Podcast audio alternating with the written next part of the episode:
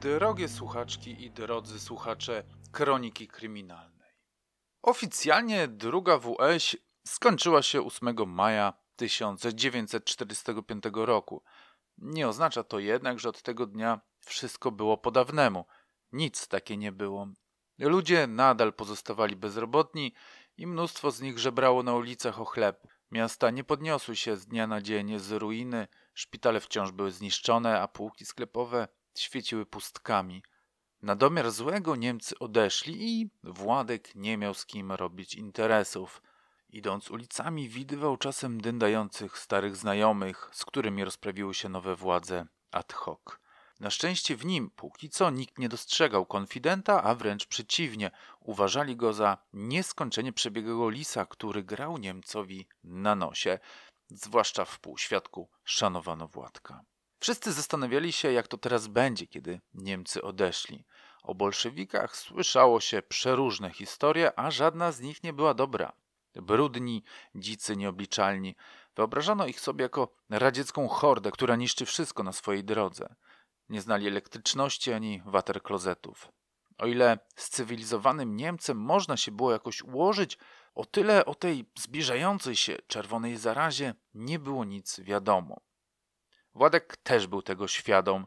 Postanowił więc raz jeszcze przekroczyć własne granice przyzwoitości i moralności, aby zyskać nieco pieniędzy i zabezpieczyć swoją przyszłość. To ostatni raz, pomyślał wtedy.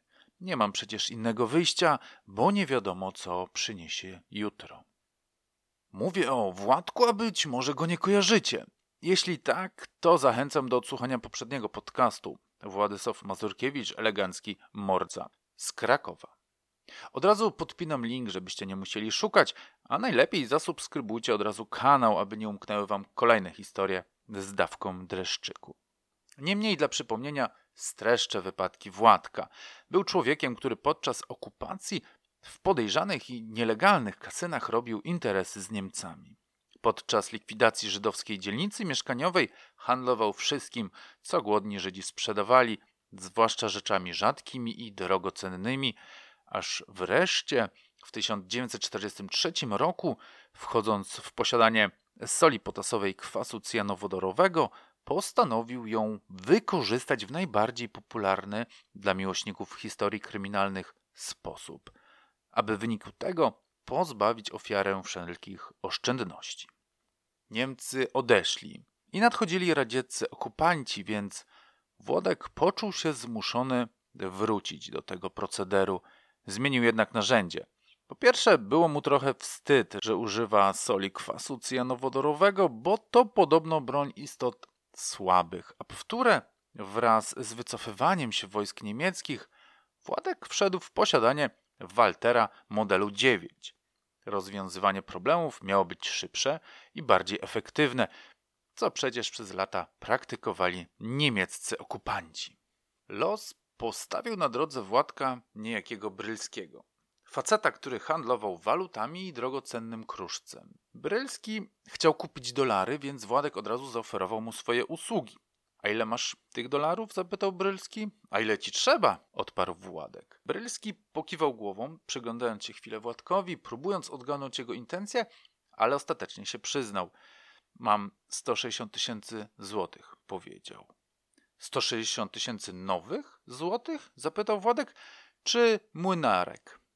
Nowych, oczywiście, że nowych, powiedział Brylski. Władek zagwizdał i zrobił duże oczy. Aż tylu dolarów to ja akurat nie mam, powiedział. Ale znam księdza, który szukał kupca. Jak chcesz, możemy się do niego zaraz zabrać. Brylski zgodził się natychmiast. Wsiedli do samochodu Władka i ruszyli ku bielańskiemu klasztorowi. Było lato 26 lipca 1945 roku. Mimo wszechobecnego pobojowiska w sercach tliła się nadzieja. Świat wyglądał pięknie, Polska budowała się na nowo. Rozmowa panów kleiła się całkiem nieźle. Opowiadali sobie o swoich planach, rysowali pogodną, pełną nadziei przyszłość. W odruchu tego natchnienia Władek pokazał gestem ręki południowe widoki. Spójrz w prawo, zwrócił się do Brylskiego. Widzisz? Stąd, przy tak ładnej pogodzie jak dziś, widać nawet szczyty naszych polskich Tatr. Brylski odwrócił się i spojrzał na Tatry, których białe szczyty złociły się w lipcowym słońcu na tle błękitnego, czystego nieba. Piękne, powiedział tyłem do Władka i to były jego ostatnie słowa. Nastąpił huk, który odbił się echem wewnątrz samochodu. Władek zapakował Brylskiego do bagażnika, zawrócił i pojechał nad Wisłę, nad której brzegami opalali się mieszkańcy Krakowa.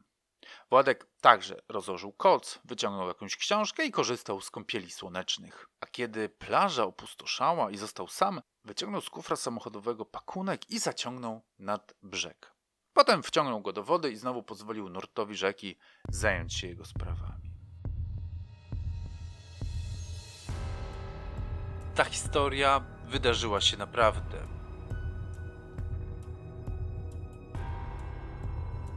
Aby zachować jej spójność, brak niektórych faktów wypełniony został koniekturą i presumpcją.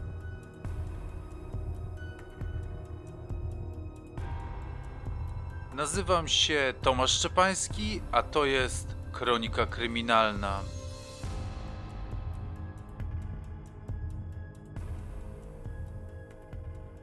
Sto sześćdziesiąt tysięcy złotych to może nie mało, ale jako się rzekło, nie wiadomo co nowy ustrój przyniesie, więc kiedy Władkowi nadarzyła się kolejna okazja, postanowił natychmiast z niej skorzystać. Wtedy poznał Tomaszewskiego. Był to październik 1945 roku. Z Tomaszewskim historia przebiegła podobnie jak z Brylskim, o czym zresztą opowiadałem już w poprzednim odcinku. Pech chciał, że ktoś Władka zobaczył. Zgłoszono to na milicję i Władek został aresztowany. Ale szczęśliwym zbiegiem okoliczności Władek zaprzyjaźnił się z prokuratorem Jaśko, prowadzącym to postępowanie, który ostatecznie zamiast oskarżyć Władka pomógł mu się uniewinnić i został jego pewnego rodzaju protektorem. Łączyła ich przyjaźń z benefitami. E, to znaczy, nie z takimi, jak mogliście pomyśleć. Jeden po prostu dawał drugiemu parasol bezpieczeństwa, a drugi załatwiał rzadkie deficytowe dobra. Warto jednak zaznaczyć, że prokurator był człowiekiem bardzo świadomym i pragmatycznym. Już wtedy, w 1945, ostrzegł Władka, mówiąc mu bez ogródek. Być może zostaniesz kiedyś zatrzymany i znajdzie się milicjant wypełniony ideami, wierzący w system i demokratyczną sprawiedliwość Polski Ludowej. Zupełnie inny niż ja, rozsądny i traktujący wszystko czystym rozumem. Bo pamiętaj, ideowcy są najgroźniejsi. I ten milicjant zacznie grzebać i wykopie rzeczy, których widzieć nie powinien. Jeśli to będzie leszcz, a do tego będzie pochodził z jakiejś inteligenckiej rodziny, to go załatwimy. Ale jeśli będzie to proletariusz i nie daj Boże z plecami, to nawet ja ci nie pomogę.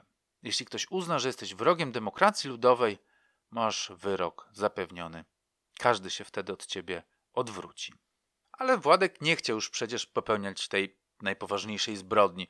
Odłożone pieniądze miały mu starczyć na wiele lat i Władek jednoznacznie poprzysiągł sobie, że już nigdy nie sięgnie po rozwiązanie ostateczne. Zresztą kosztowało go to za dużo nerwów.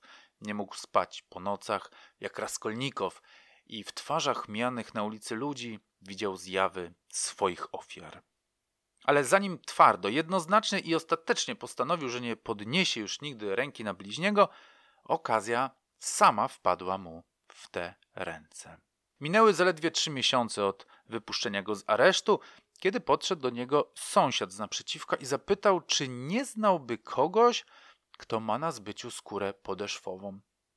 A nie był to byle jaki sąsiad, ale pan Jerzy de Lavoie, jeśli dobrze wymawiam to skomplikowane francuskie nazwisko. Potomek zacnej rodziny szlacheckiej, której członkowie znani i szanowani byli przez stulecia w Krakowie. Władek miał odpowiednie znajomości, iż chciał umówić pana Delavua ze znajomym, który taką skórą by dysponował. Ale niefortunnie sąsiad dodał, że szuka też kogoś, kto odkupiłby od niego 6 tysięcy dolarów. Dzisiaj 6 tysięcy dolarów nie robi jakiegoś piorunującego wrażenia, ale w 1946 roku była to suma astronomiczna. Dolar kosztował w tamtych czasach około 200 złotych.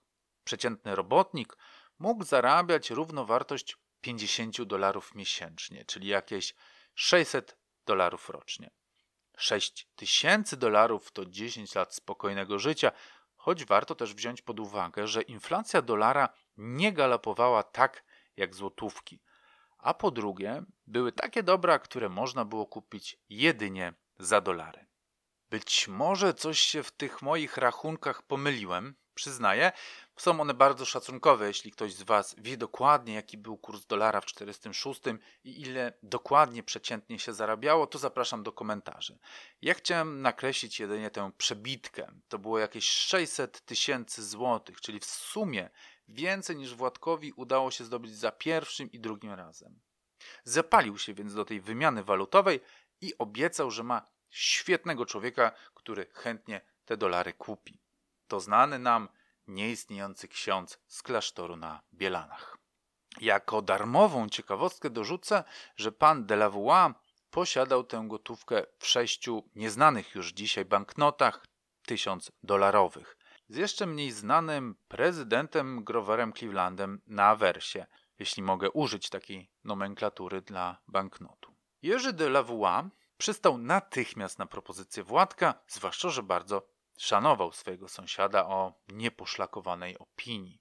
Pan Władysław Mazurkiewicz pracował w Polskim Czerwonym Krzyżu, pomagając przesiedleńcom na terytorium całej Europy.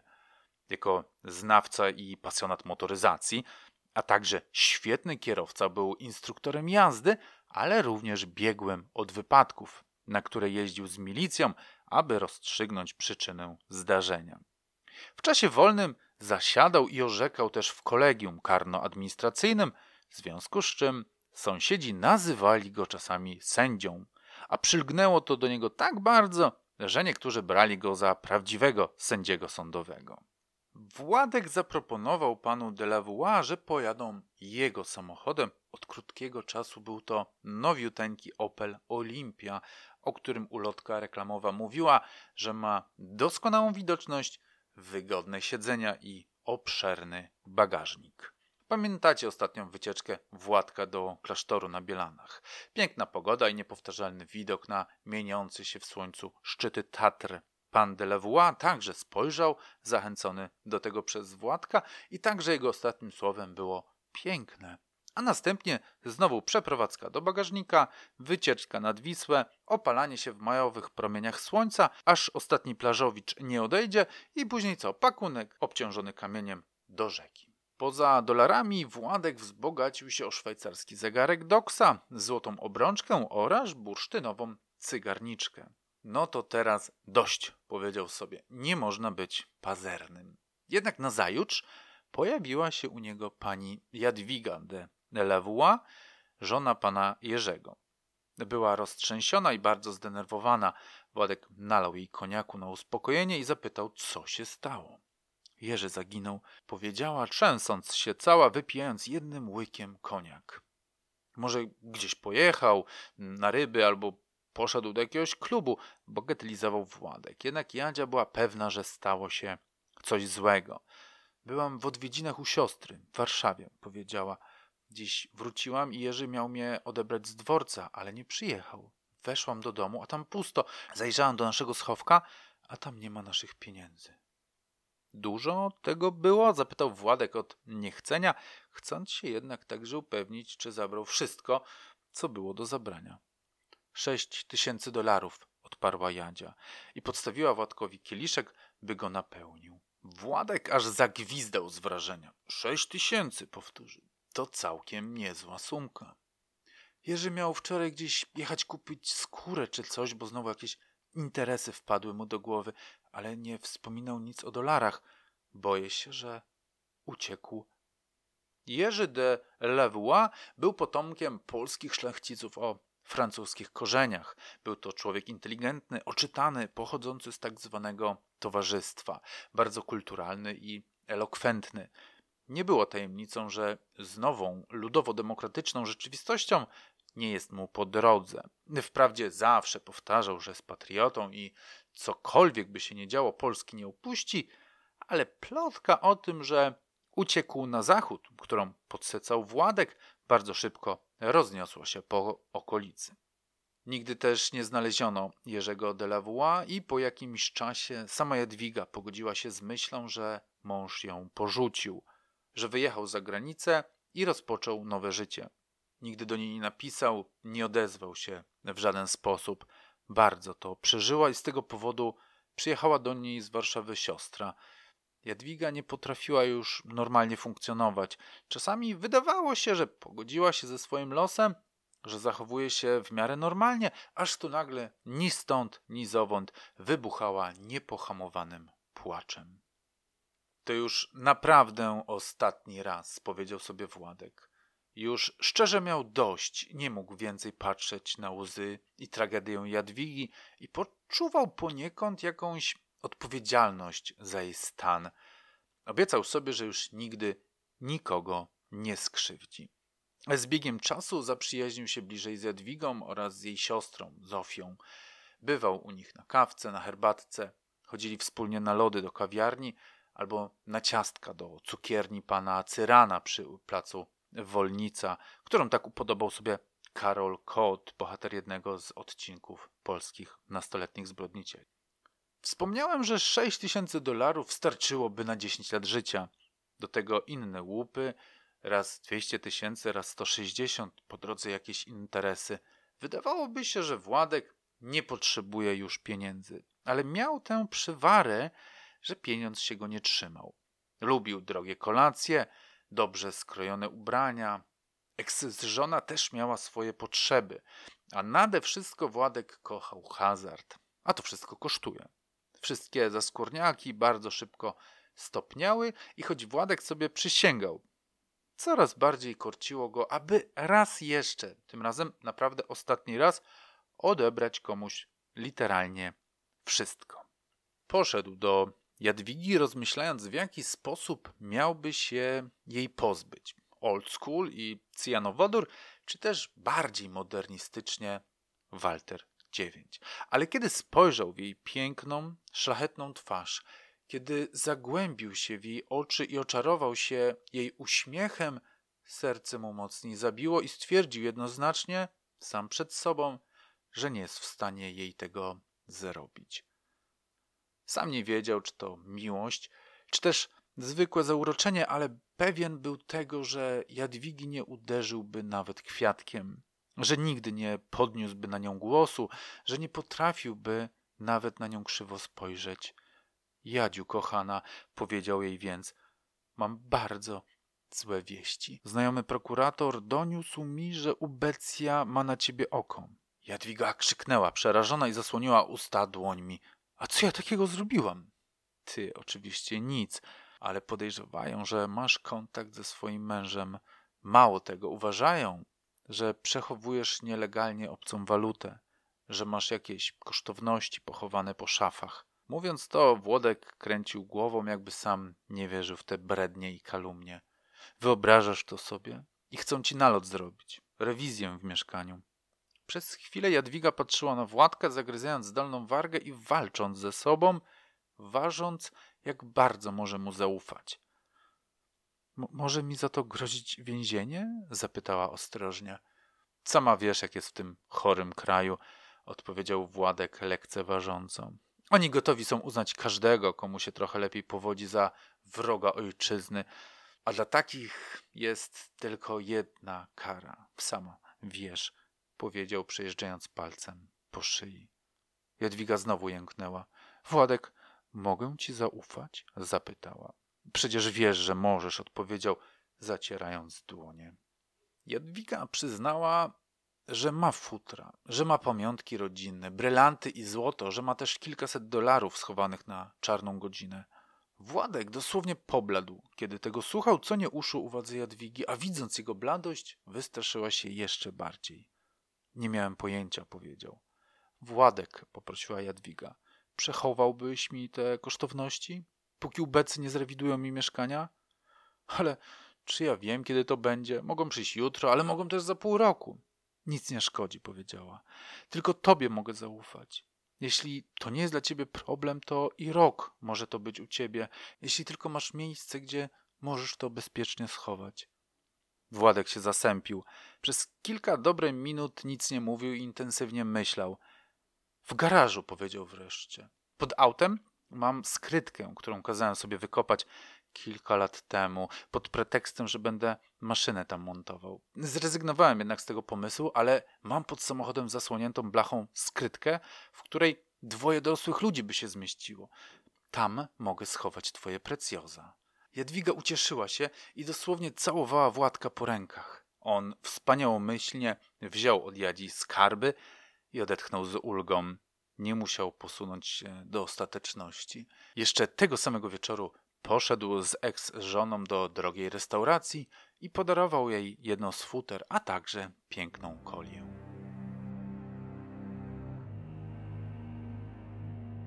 Minął miesiąc, kwartał, pół roku. Ubecja nie odwiedzała Jadwigi, a jej zaczynało brakować gotówki. Mógłbyś mi oddać kilka dolarów? pytała raz po raz Władka. On wykręcał się, że teraz to nie jest dobry moment, że słyszał właśnie, że ostatnio rozpoczęły się naloty, że ubecy robią rewizję mieszkań, że jest coraz niebezpieczniej. Na początku Jadwiga wzdychała głośno, ale przyznawała rację Władkowi. Jednak z każdym kolejnym miesiącem coraz mniej mu ufała i zaczynała odczuwać niepokój.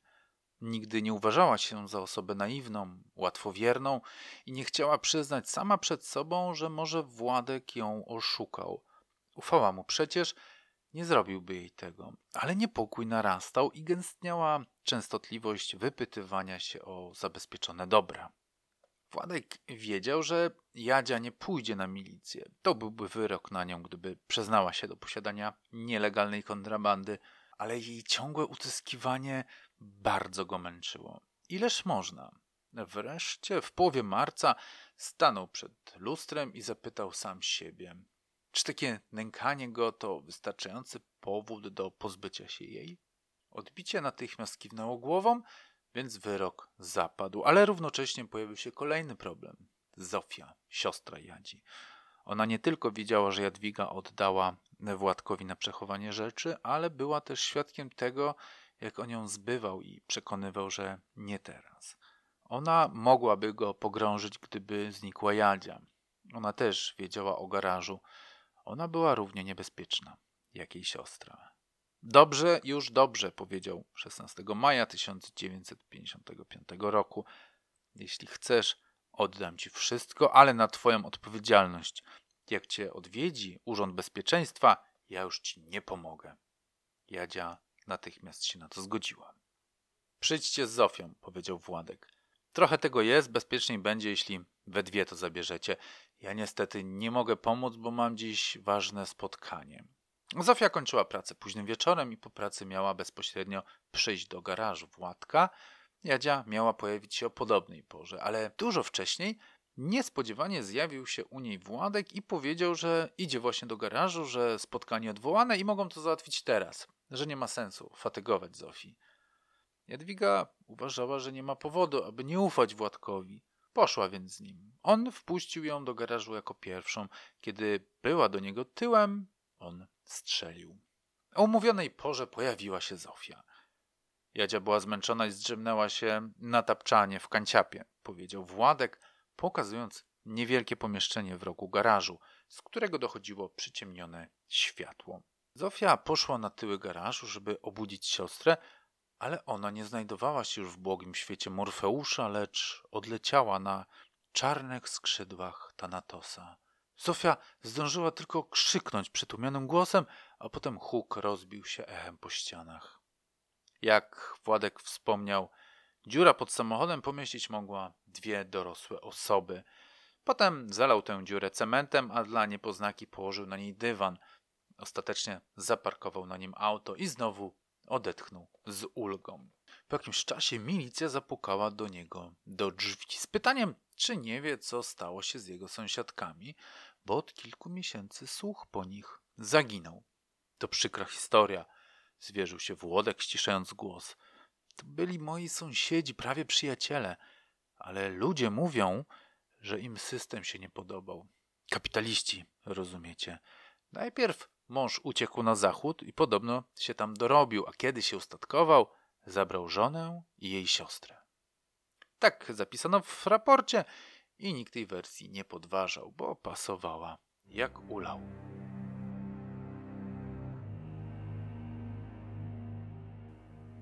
W metalowych drzwiach do celi zgrzytnął zamek, a potem otworzyły się ciężko z przeciągłym skrzypnięciem. Władka przeszły ciarki i pierwszy raz w życiu poczuł przeszywający strach. Osiadł gdzieś na żołądku, na kieszkach, ściskając je i miętosząc, derażniąc tak nieprzyjemnie, że Wodkowi zebrało się na wymioty. Z ciemnego prostokąta framugi wszedł do celi strażnik więzienny i założył Władkowi kajdanki.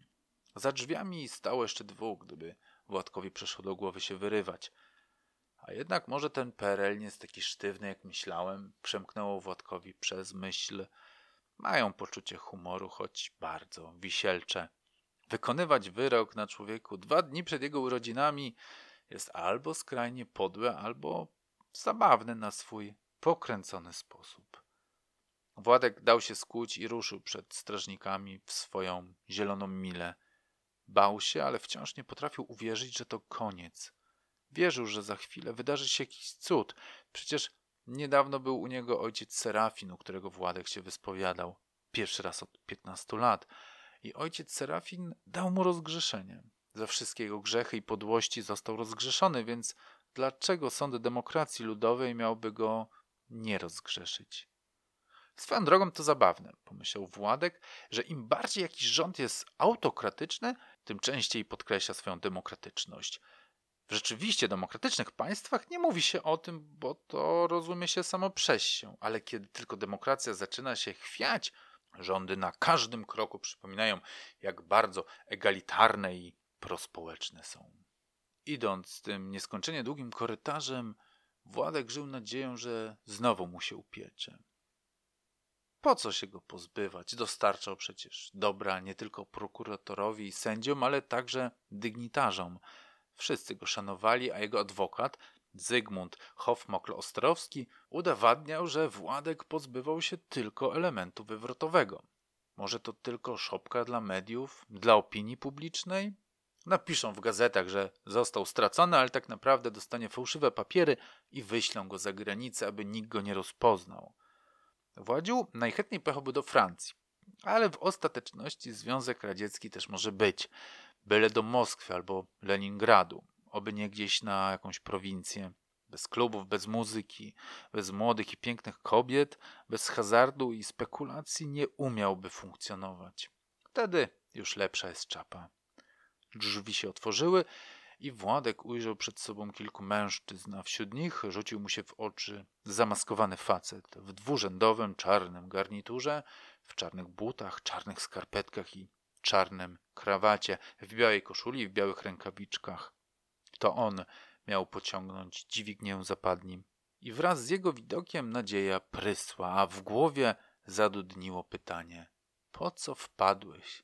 Dlaczego nie byłeś uważny?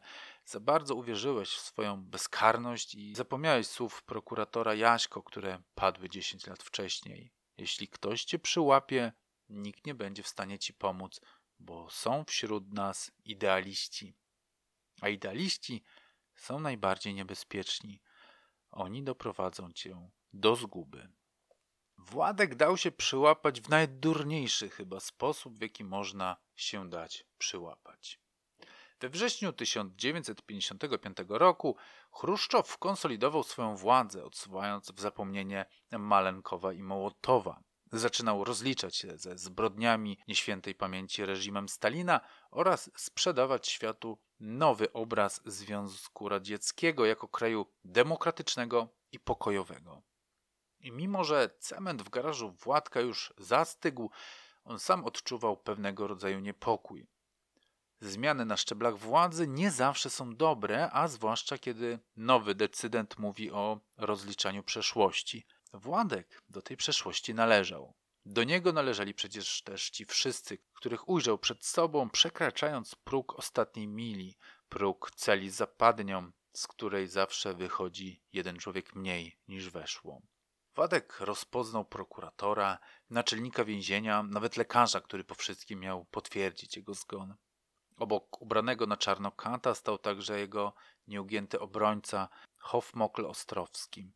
O każdym z nich Władek mógłby coś powiedzieć. Każdego dobrze znał z nocnych klubów, w których bywali. Wiedział, jakich chłopców który lubi, wiedział, który z nich nie przypada za pełnoletnimi dziewczętami. Wiedział nie tylko, który bierze w łap, ale także ile. Ale co mógł z tą wiedzą zrobić? Nikt by mu nie uwierzył. Władek przeczuwał wiatr zmian. Wiedział, że musi się zabezpieczyć, przynajmniej finansowo, że musi pozbyć się niewygodnych świadków, takich jak Jaćkę czy jej siostrę. No i wiedział też, że musi zabezpieczyć się także finansowo, przynajmniej na kolejną dekadę. Wprawdzie fanty Jaćki i jej siostry nie były biedne, ale strzeżonego Pan Bóg strzeże. We wrześniu 1955 roku, w cieniu kończącej się budowy Daru Narodu Radzieckiego dla Narodu Polskiego w Warszawie, w jednym z drogich hoteli dla zagranicznych dygnitarzy w grubych kożuchach, pod świetlną pajęczyną kryształowych żerandoli, Władek spotkał się ze Stasiem, spekulantem handlującym wszystkim, co ma dużą wartość i można się na tym dobrze obłowić. Władek znał marynarza, który przemycił zegarki za pół miliona złotych i chce ich jak najszybciej się pozbyć, bo niedługo znowu wypływa w rejs. Stasiu wszedł więc w ten układ.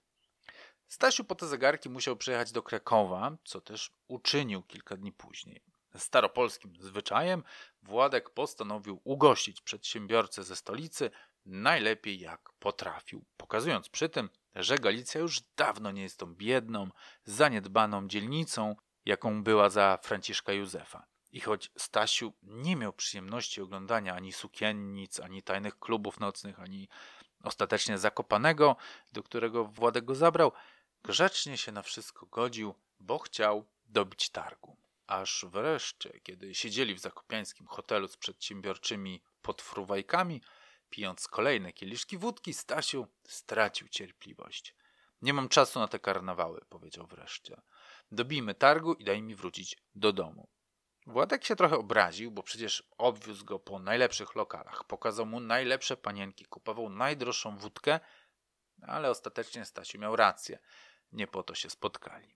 Wsiedli więc w Opla Władka i ruszyli z powrotem do Krakowa. W drodze Stasiu przysnął. Władek Powiedział coś do niego kilka razy, szturchnął go nawet, upewniwszy się, że ten śpi i zjechał na pobocze. Z kieszeni wyciągnął swego Waltera i pociągnął za spust. Kulę wyciągnięto z potylicy Stasia dopiero po kilku dniach. Z żywego Stasia warto tutaj dodać. Najwyraźniej Władek wyczerpał wszystkie zapasy swojego szczęścia i nie udało mu się zgładzić Stasia. Kula prześliznęła się jakoś niefortunnie po kości potylicznej i utkwiła w niej, nie czyniąc Stasiowi większej krzywdy, jedynie niewielką dziurę. Temu towarzyszył naturalnie też ból, więc kiedy tylko Władek wystrzelił, Stasiu poderwał się wystraszony ze złego snu. Chwycił od razu za tył głowy i poczuł ciepłą, lepką ciecz. Coś ty mi zrobił? Żachnął się. Władek przez ułamek sekundy był oszołomiony i nie wiedział, co powiedzieć. Nie przyszło mu do głowy, że zamiast pozbyć się Stasia, go tylko rozwścieczy. Roześmiał się zatem niekontrolowanie i poklepał Stasia po plecach. Petarda, powiedział ze śmiechem Władek. No, podstawiłem ci do ucha, żeby cię obudzić. Pokaż, krwawisz. Nie pomyślałem, że to może cię skrzywdzić. Przepraszam. Stasio przyglądał się niezrównoważonemu Władkowi przez chwilę, aż sam się roześmiał. Jesteś nienormalny, powiedział. To piecze. Ostatni raz przyjeżdżam do Krakowa. Wy jesteście ostro pogrzani. A później zmienił nieco ton. Mam już tego dość. Albo dajesz mi te zegarki, albo oddaj moje półbańki, a ja wracam do domu. Władek przyznał wtedy, że pojawiły się komplikacje. Przekazał pieniądze temu marynarzowi, a on wtedy zapadł się pod ziemię. Stasiu, ty się nie denerwuj, bo ja go znajdę. Ale prawda jest taka, że zajmie mi to trochę czasu. Przepraszam, że ci nic nie mówiłem, ale nie chciałem cię martwić. Liczyłem na to, że dzisiaj wszystko się rozwiąże. Jak możecie się domyślać, Stasio wcale nie był ukontentowany takim obrotem sprawy. Zażądał od Władka natychmiastowego zwrotu pieniędzy i obiecał mu, że nigdy nie zrobi z nim interesu. Ale jako, że Władek nie miał gotówki, a przynajmniej tak twierdził, dał Stasiowi w ramach rekompensaty swego Opla Olimpię oraz złoty zegarek Omega. Natomiast w najbliższych dniach obiecywał, sprawa się wyjaśni. Stasiu zabrał zegarek i samochód i pojechał do Warszawy. Władek nie wiedział, co tak naprawdę się wydarzyło i gdzie poleciała kula. Nie miał też pomysłu, co robić dalej, i choć powinien dokończyć swoje dzieło jeszcze tam, w aucie, nie potrafił pozbyć się kogoś, kto patrzy mu w oczy. Umiał tylko cyjankiem albo w tył głowy, kiedy nie widział oczu ofiary. Kiedy on sam nie musi być świadkiem, że dusza odpływa z oczu, że stają się one wyblakłe i nieruchome. Pozwolił więc losowi zadecydować za niego. I tak też się stało. Los przejął sprawy w swoje ręce. Stasia bez przerwy bolała głowa w tym miejscu, gdzie rzekomo wybuchła petarda, więc poszedł do lekarza. Ten obejrzał niewielką rankę i zdecydował, że trzeba będzie zrobić prześwietlenie, bo on nic nie widzi. Na zdjęciu rentgenowskim zobaczył niewielką kulę kalibru 6,35 mm. I wtedy dla Stasia stało się wszystko jasne. Wtedy też świat Władka, który był przez niego skrupulatnie budowany przez wiele lat, zaczął się sypać. Milicja przesłuchała Stasia i już w kilka dni później rozesłano list gończy za Władkiem. Nie było go wtedy w domu. Ukrywał się, choć nieudolnie w Zakopanem, w pełnym turystów hotelu, a milicja zatrzymała go w bardzo popularnej restauracji, w której Władek bez żenady pił kawę i zajadał ciastko. Było to 1 listopada 1955 roku. Od tego czasu równia pochyła. Władek oczywiście nie przyznał się do winy. Twierdził, że w felernej nocy Stasiu wyszedł gdzieś z hotelu i szlajał się po Zakopanem i pewnie wtedy ktoś go napadł. Niemniej milicja zaczęła przyglądać się Władkowi bardzo wnikliwie. Zastanawiające było, że sąsiedzi Voix wszyscy znikli bez śladu. Przeszukano więc mieszkanie Władka, a potem także jego garaż, a wy już wiecie, co tam znaleźli, jak rozkuli podłogę.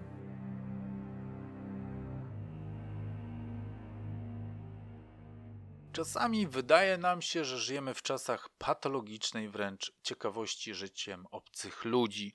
Te wszystkie reality show, śledzenie ludzi na Instagramie, czytanie portali plotkarskich.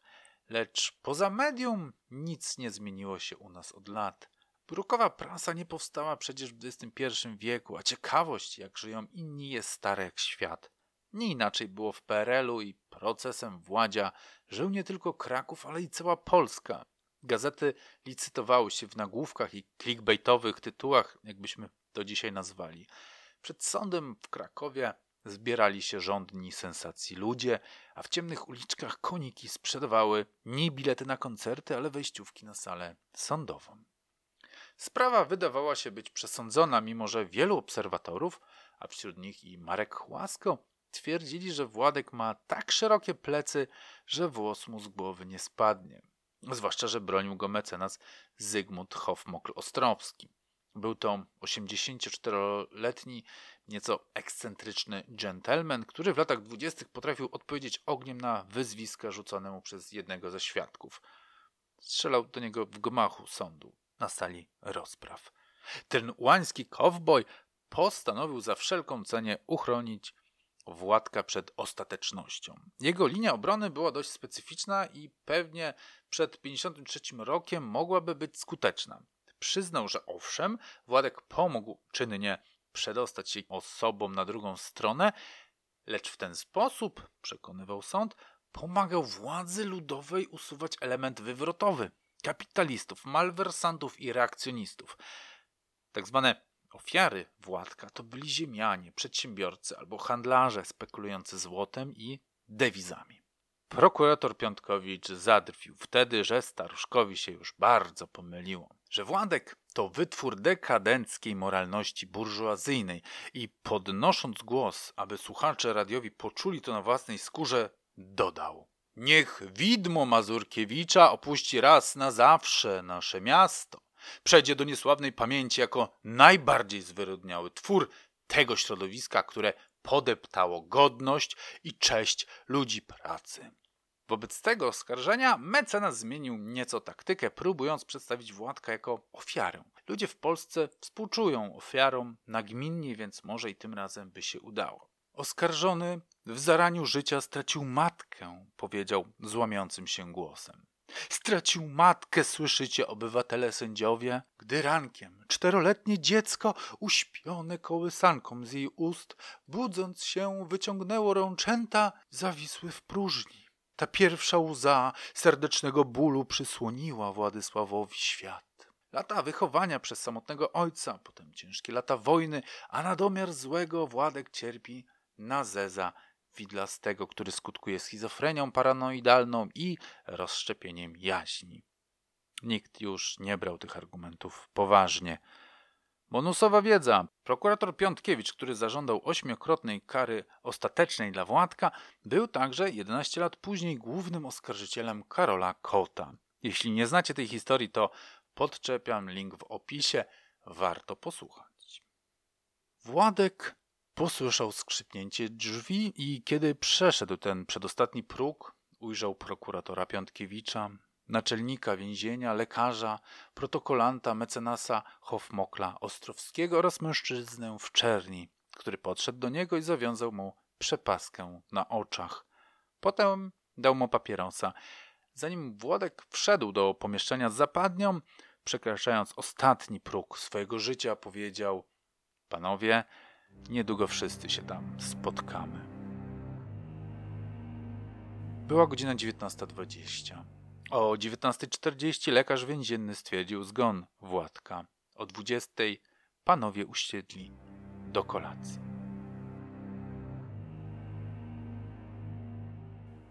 To by było na tyle. Dziękuję serdecznie za wysłuchanie dzisiejszej historii, żywiąc ogromną nadzieję na to, że się spodobała. Jeśli tak, możecie wyrazić swoje zadowolenie kciukiem w górę, ale także jakimś komentarzem. Jeśli nie wiecie, co napisać, napiszcie ach śpi, kochanie. Pozdrawiam Was serdecznie i już zapraszam na specyficzną serię podcastów w grudniu. Nie mam pojęcia, czy się spodoba, ale jak wiemy, kto nie ryzykuje, nie pije szampana. Miłego i do usłyszenia.